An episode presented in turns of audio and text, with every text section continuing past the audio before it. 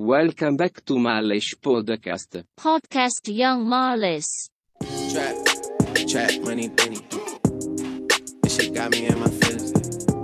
Hai guys, welcome back to Males Podcast, podcast yang sudah hampir dua minggu, eh tiga, nggak bikin Dua episode. minggu cok nggak bikin episode sama sekali kawan-kawan Jadi ini kalau misalnya episodenya suaranya jelek, emang pemalas kita.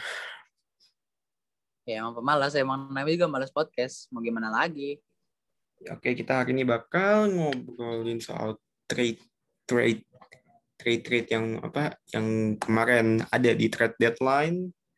Karena sebenarnya gue hari ini pengen bahas Ya. IPL ya, cuman I think nanti aja pas playoff lah baru gue karena ya soalnya kalau ngebahas ya gue juga nggak terlalu gue juga nggak tahu terlalu apa ya materi dari guanya ngebahas IBL masih kurang gitu. Makanya gue harus riset riset lagi kalau mau IBL gitu. Iya sih, cuma gue kalau nggak apa ya, gue ngerasa banyak tim yang telat panas gitu. Maksud gue panasnya baru di seri seri 2, seri 3.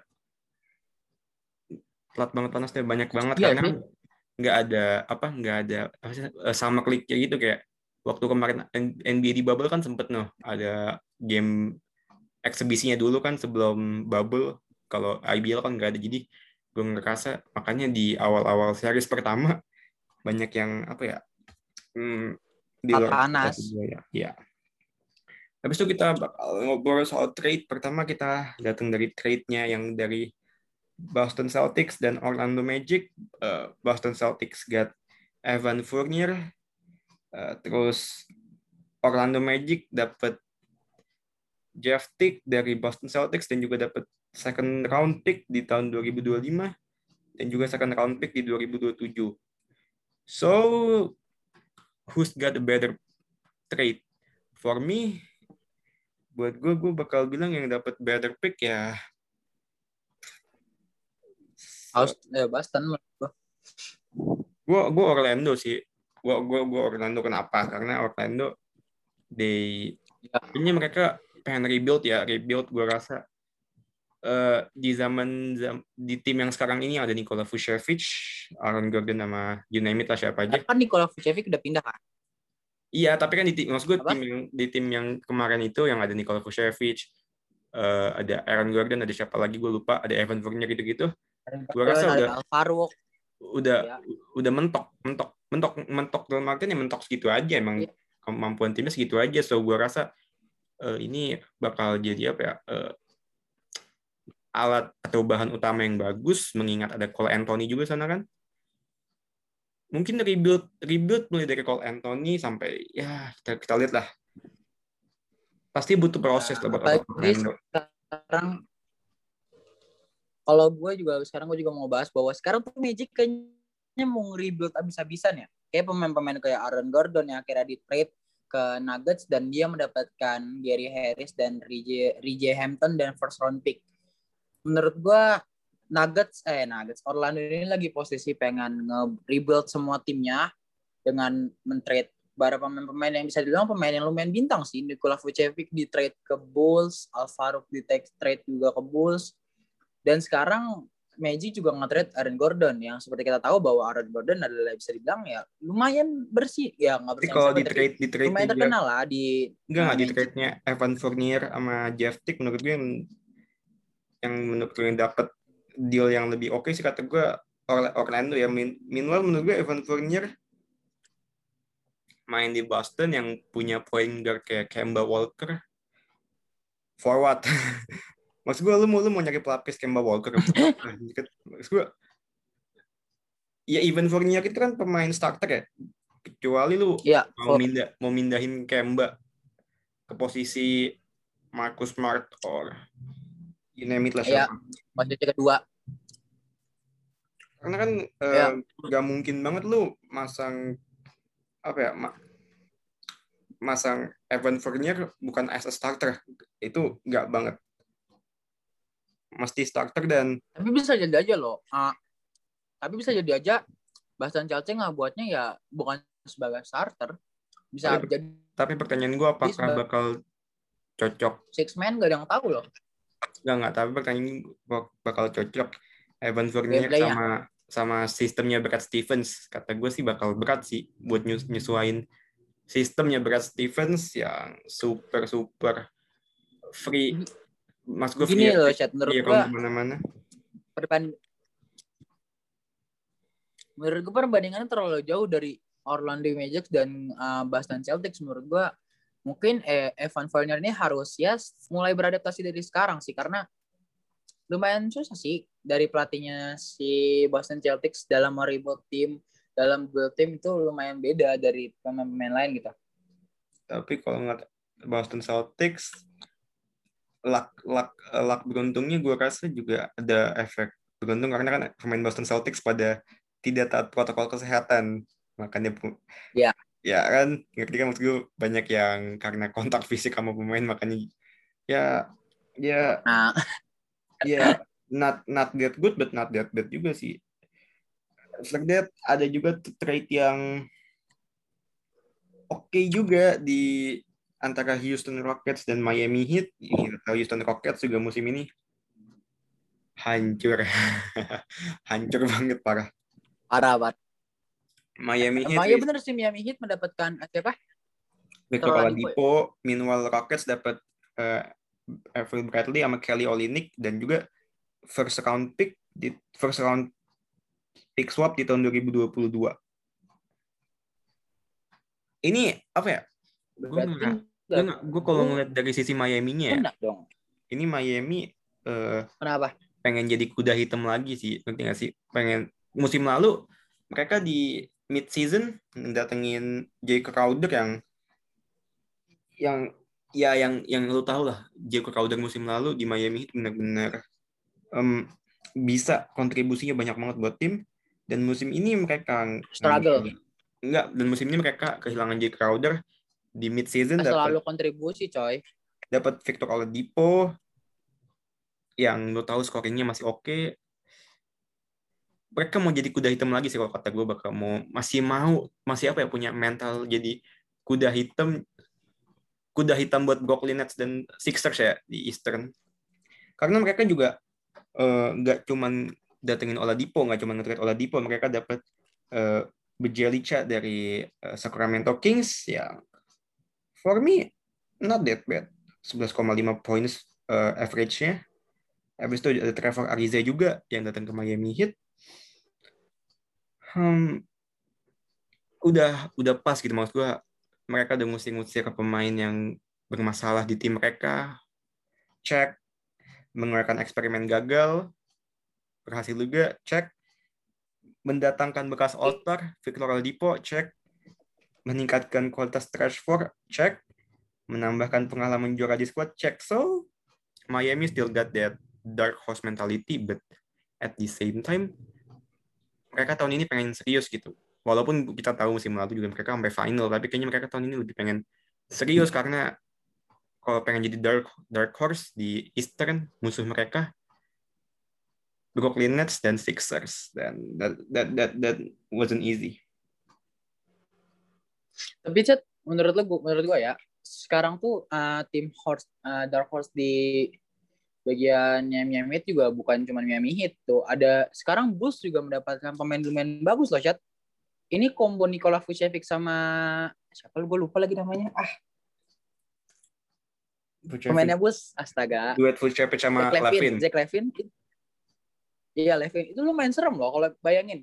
Kalau misalkan uh, Zach Levine main di three point area terus masuk dan yang covernya itu adalah Nikola Vucevic ini menurut gue lumayan serem dan bisa menjadi dark horse juga bagi tim wilayah Western gitu. sebenarnya kalau lu bicara dark horse di Eastern ya gitu. banyak banget tim dark horse di Eastern musim Eh, ini. Eastern, sorry. Kalau kalau dari musim lalu mungkin ada Miami Heat, musim ini ada Chicago Bulls, Atlanta Hawks, eh, Charlotte Hornets yang yang Atalanta Hawks dark horse. iya dong Atlanta Hawks bisa sejauh ini dark horse loh dia ngandelin Young, ngandelin John Collins, eh, dan juga yang doang. banyak apa ya banyak tim banyak tim dark horse kata gue, kata gue di Eastern yang yang emang tujuannya cuma satu ngelincirin Boston atau enggak Sixers. Emang tujuan itu doang jadi dark horse di Eastern. Meanwhile, kalau lu ngelihat eh, Ya, meanwhile kalau kita ngelihat ada juga trade yang menarik juga yang tadi lo bilang itu si? Aaron, Aaron Gordon ke Denver Nuggets. Em bagus sih maksud gue emang Aaron Gordon emang pantas sih maksud gue main di timnya di tim kayak Denver. yang lebih bagus. But, Dan tapi gini loh, Chat, menurut gua yang diuntungin dari dari trade-nya Aaron Gordon ini adalah ah, di Orlando karena dia dapet Gary Harris yang itu lumayan bagus tuh. Kalau saat dia nggak cedera ya, Gary Harris lumayan dan first round pick lo bayangin. Menurut gua bagus juga sih bagi di wilayah di wilayah Magic dan pokoknya ini dua dua tim lumayan untung lah. Sama-sama untung bukan di satu pihak aja yang untung. ya Gary Harris masih on masih on fire sih cuma eh, masalah sama cederanya itu ya yang kayaknya gue bikin Karena menurut juga gue dapet lelah juga. pemain-pemain yang ya so ya dia hindari injurinya lumayan tinggi sih. Tapi yang satu salah satu lagi pemain yang bagus banget dia didatengin sama Nuggets, Javeli MCG sih. McGee eh, juara NBA tahun lalu sama Lakers. Ih, balik Gua rasa eh, Dia Mike pulang Malone ini taktikal Mike- tempatnya. secara taktikal Mike Malone tahu Jokic musim ini on fire, dia pengen ngasih apa ya peran peran buat Jokic biar lebih bebas, lebih apa lebih offense-nya lebih luas karena kayaknya dia nggak dapet eh, apa ya dia dia, kurang dapet eh, peran kebebasan tuh dari center-centeran Denver. So gue rasa datengin Javeli MCG ngebuat eh, Nikola Jokic punya kebebasan kebebasan offense ya maksud gue. Ya menurut, menurut gue sih dengan datangnya uh, Javel McGee, McGee gitu menurut gue ngebuat Nikola Jokic ini harusnya berperan bukan sebagai center lagi tapi bisa sebagai pemain-pemain yang lumayan luas dan dia bisa mencetak poin dari segala arah karena dia udah percaya bahwa Javel McGee ini bisa backupnya. Walaupun gue nggak gue nggak bisa pastiin bahwa nanti Nikola Nikola Jokic dan Javel McGee ini bakal main sesama. Entah atau mungkin nanti Javel McGee bakal masuk dari bench atau mungkin nanti bakal masuk selanjutnya dari area si Nikola Jokic gitu. Nggak ada yang tahu kan ke depannya. Menurut gue sih gitu. Iya sih. karena kalau Cuman Nah, ini ini dua pemain yang lumayan jauh tau gak sih? Kayak Javel McGee adalah pemain yang pure center, yang andalinnya reboundnya, dan Ni- Nikola Jokic adalah pemain center, but uh, dia punya spesial uh, dia punya spesial skill yang bisa ngebuat dia itu bisa bermain di segala posisi. Menurut gue, menurut gue sih itu gitu. ya kan yang tadi gue bilang eh, datangnya MCG bikin Jokic bebas. Habis itu kita bahas yang free agent free agentnya. Yang pertama Ya. Andre eh hmm, gak yang kita kita kita bahas dulu yang dari Lakers Andre Drummond ke Lakers. Aduh, gue nggak bisa jamin dari menurut gue menurut gue yang, Lakers butuhin kan point guard ya entah itu atau enggak shooter. Iya. enggak Wesley Matthews KCP enggak banget uh, musim ini enggak banget. Kusma kadang-kadang yang malah kadang-kadang Kusma yang jadi apa ya hot shoot three point nih. Terus kalau ngambil uh, big man uh, Buat apa lagi yang ambil big man? Karena dua player itu itu udah bagus banget loh. Walaupun kita tahu ya LeBron out 3 sampai 3 minggu sampai 4 minggu gitu. Nggak maksud gue lu pengen naik lu nggak fokus Frank Vogel ini sekarang gua- gue bingung fokus Frank Vogel ini sekarang apa sih lu pengen bikin Montrezl Harrell jadi bintang datengin center di Kumon terus ya maksud gue aneh gue ngeliat menurut gua, menurut gua sih enggak sih mungkin menurut, mungkin menurut dia mungkin menurut menurut gua ya Frank Vogel ini bakal main dia itu bukan main sebagai yang tahun ah, musim kemarin dia main ah, rada ke mid range atau ah, mid range sekarang dia bakal main sebagai pure paint area. Menurut gua sih kayak gitu karena ya gimana ya itu empat pemain bukan empat sih tiga pemain itu lah pemain yang ah, bagus banget convert banget di paint areanya gitu. Saat dia udah main di paint areanya we don't know bisa ngelakuin apa aja gitu. Apalagi dengan cetakan reboundnya Andrew Drummond di Cleveland Cavaliers sebelumnya bahwa dia adalah kalau saat dia on fair dia bisa nyetak hampir 22 rebound, 25 rebound tuh lu bayangin itu lumayan tinggi loh buat seorang center di zaman sekarang. Menurut gue sih itu. Iya mau main, uh, gue rasa Vogel mau bikin Twin Tower sendiri ya. Kalau Ya. tahu musim lalu eh, di mana serangan suka datang dari eh, dalam dalam circle, um, gue rasa eh, Frank Vogel mau fokus bikin Twin Tower yang ujung-ujungnya mm, nge-free roam entah itu guard mereka atau LeBron atau ada Wesley Matthews sana. Ya mirip-mirip musim lalu, cuma musim lalu kan agak apa ya ada kekurangan di mana eh ya tapi nggak juga center back center mereka musim lalu juga oke sih Howard sama Jeff. But nggak tahu musim lalu kayaknya kurang aja. Mungkin musim ini dengan ada Andre Drummond, Montrezl Harrell yang lu tahu hustle minta ampun. Ya oke sih. Meanwhile di meanwhile di eh, Los Angeles satu lagi eh, ada trade yang menarik eh, si Clippers ngedatengin Rajon Rondo ya- yang emang sih musim ini Clippers butuh banget point guard. Eh, ini nih kalau lu nge-thrift ya, lu nge-thrift baju ini kata gue steal deal sih. Ini oke banget buat uh, Tyron lu.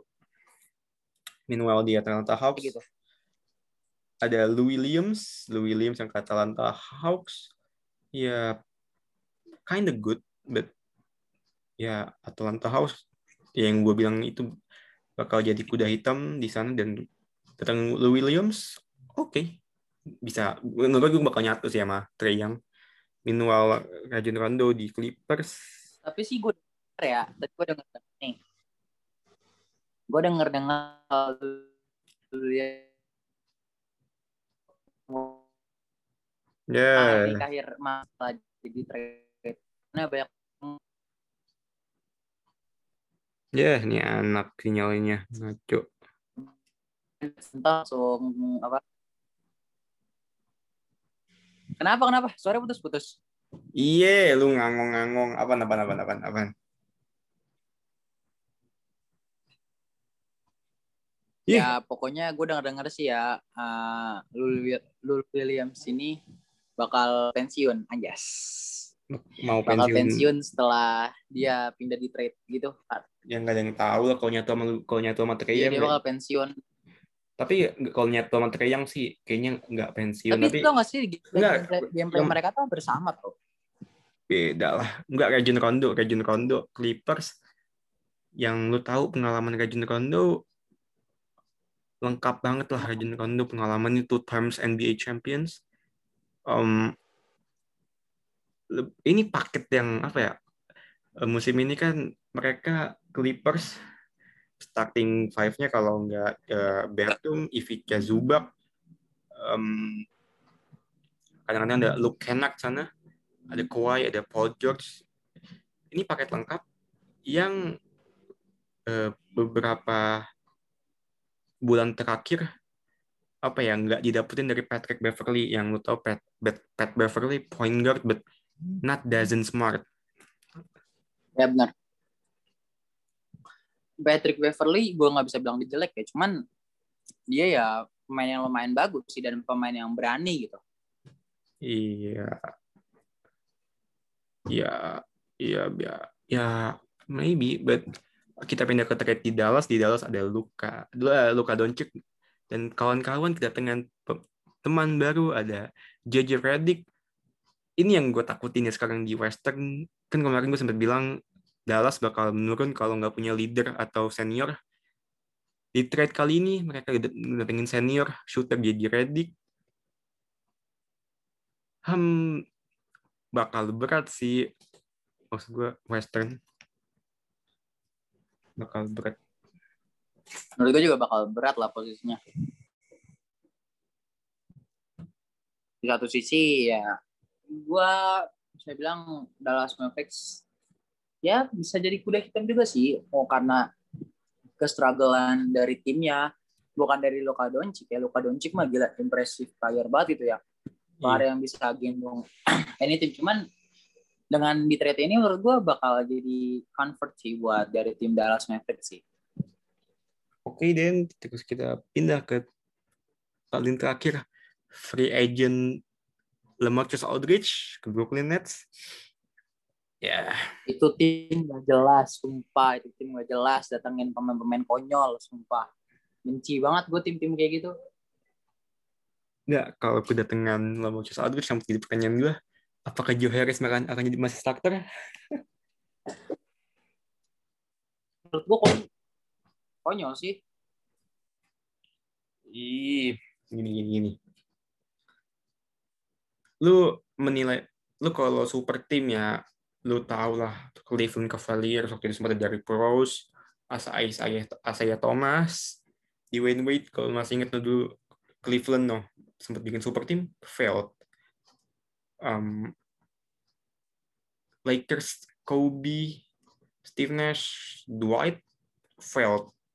Maksud gue banyak super tim di NBA history ya, tapi yang sukses tuh nggak semua.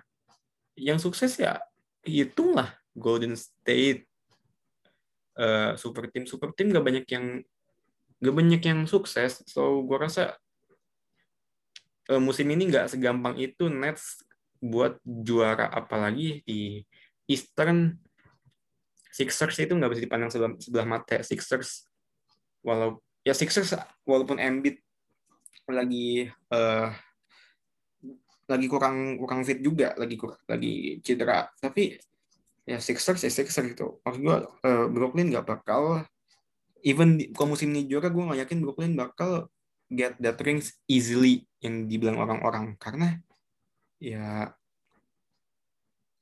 nggak nggak bakal segampang itu. Ya, apalagi kan kalau setahu gue ya, pemain bintang ini punya egonya masing-masing loh. mereka Yang itu harus kita mereka itu semua mantan men- eh, banyak yang pernah jadi mantan All Star sering jadi starting Dan five dari mereka itu punya egonya masing-masing gitu. Saat dia mau saat apa yang kita tahu ya, uh, KFK di uh, terus Kyrie, apalagi uh, James Harden itu pemain yang benar-benar bintang gitu. Apalagi ya kita nggak bisa kemungkinan bahwa Black Griffin, lama Cross aja juga bintang. Cuman di era sekarang ya, tuh tiga pemain itu lumayan pemain bintang dan mungkin dari tiga orang itu punya egonya masing-masing dalam mencetak poin. Gua nggak gua nggak tahu di Tapi gua rasa gimana. Cuman menurut gue sih ego tiga logikanya pemain menurut kayak gitu loh. nggak ego tiga pemain ego tiga pemain sebenarnya ego tiga bintang itu menurut gue nggak terlalu problem ya yang jadi karena gue yakin mereka bertiga bakal always main bareng yang yang gue takutin itu justru ada di perebutan big man ya entah itu. Kalau itu kalau itu gue nggak terlalu kepikiran tapi gue mikirinnya ego. Coba lanjut apa? iya ego-ego big man yang ini kalau tiga tiga tiga bintangnya itu uh, Kyrie, KD sama Harden, gue nggak ngelihat problem justru problem gue tuh ada di Aldridge, Blake, uh, di Andre Jordan sama you name it lah siapa big man big man atau mungkin plus Joe Harris ya mungkin empat lima pemain itu bakal apa ya bakal kebut-kebutan lah ngerti nggak sih dalam dalam artian pengen play with start iya bakal justru menurut gue gue gue nyium nyium aroma keributan bukan jadi di KD Kyrie or Harden tapi lebih di ya Aldridge Blake ya gitu gitu bakal kalau gue sih kalau menurut gue ya dengan bertambahnya umur mereka menurut gue mereka bakal ngeredam itu. Tapi di umur umurnya Harden KD sama Kyrie ini yang gue takutin jujur. Ya kalau gue beda emang iya. Karena- apalagi ya mungkin kalau Harden bisa ngeredam karena dia dia dia berharap kayak tahun ini dia pengen dapet bintang kan. Masa dia pikir kayak gue udah pindah nih ke tim yang punya bintang gue udah punya tim yang lumayan superstar gitu bisa bilang tapi kalau gue nggak dapet bintang eh nggak dapet cincin buat apa? Mungkin pemikiran Harden kayak gitu. Tapi ya we don't know kita nggak tahu apa apa cuman kayak ke depannya kita nggak tahu bahwa nanti saat misalkan James Harden kayak yang megang bola ntar siapa yang jadi close shooter ntar siapa kita nggak ada yang tahu siapa ya Ya. nggak sih? Dan ujung-ujungnya lu ya solusi buat Nets ya mereka udah terpenuhi semua sih tapi yang gue bilang tadi kalau mereka emang pengen rings gak bakal mudah musim ini.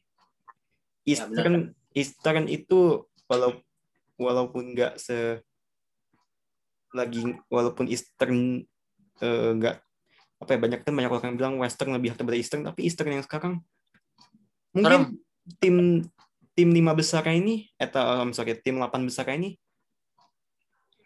eh peringkat eh, 5 sampai 10 ke bawah justru malah menurutku lebih menyeramkan bisa bikin si Sixers mungkin bakal kepleset-kepleset juga sih. By the way, itu guys hari ini episode kita hari ini.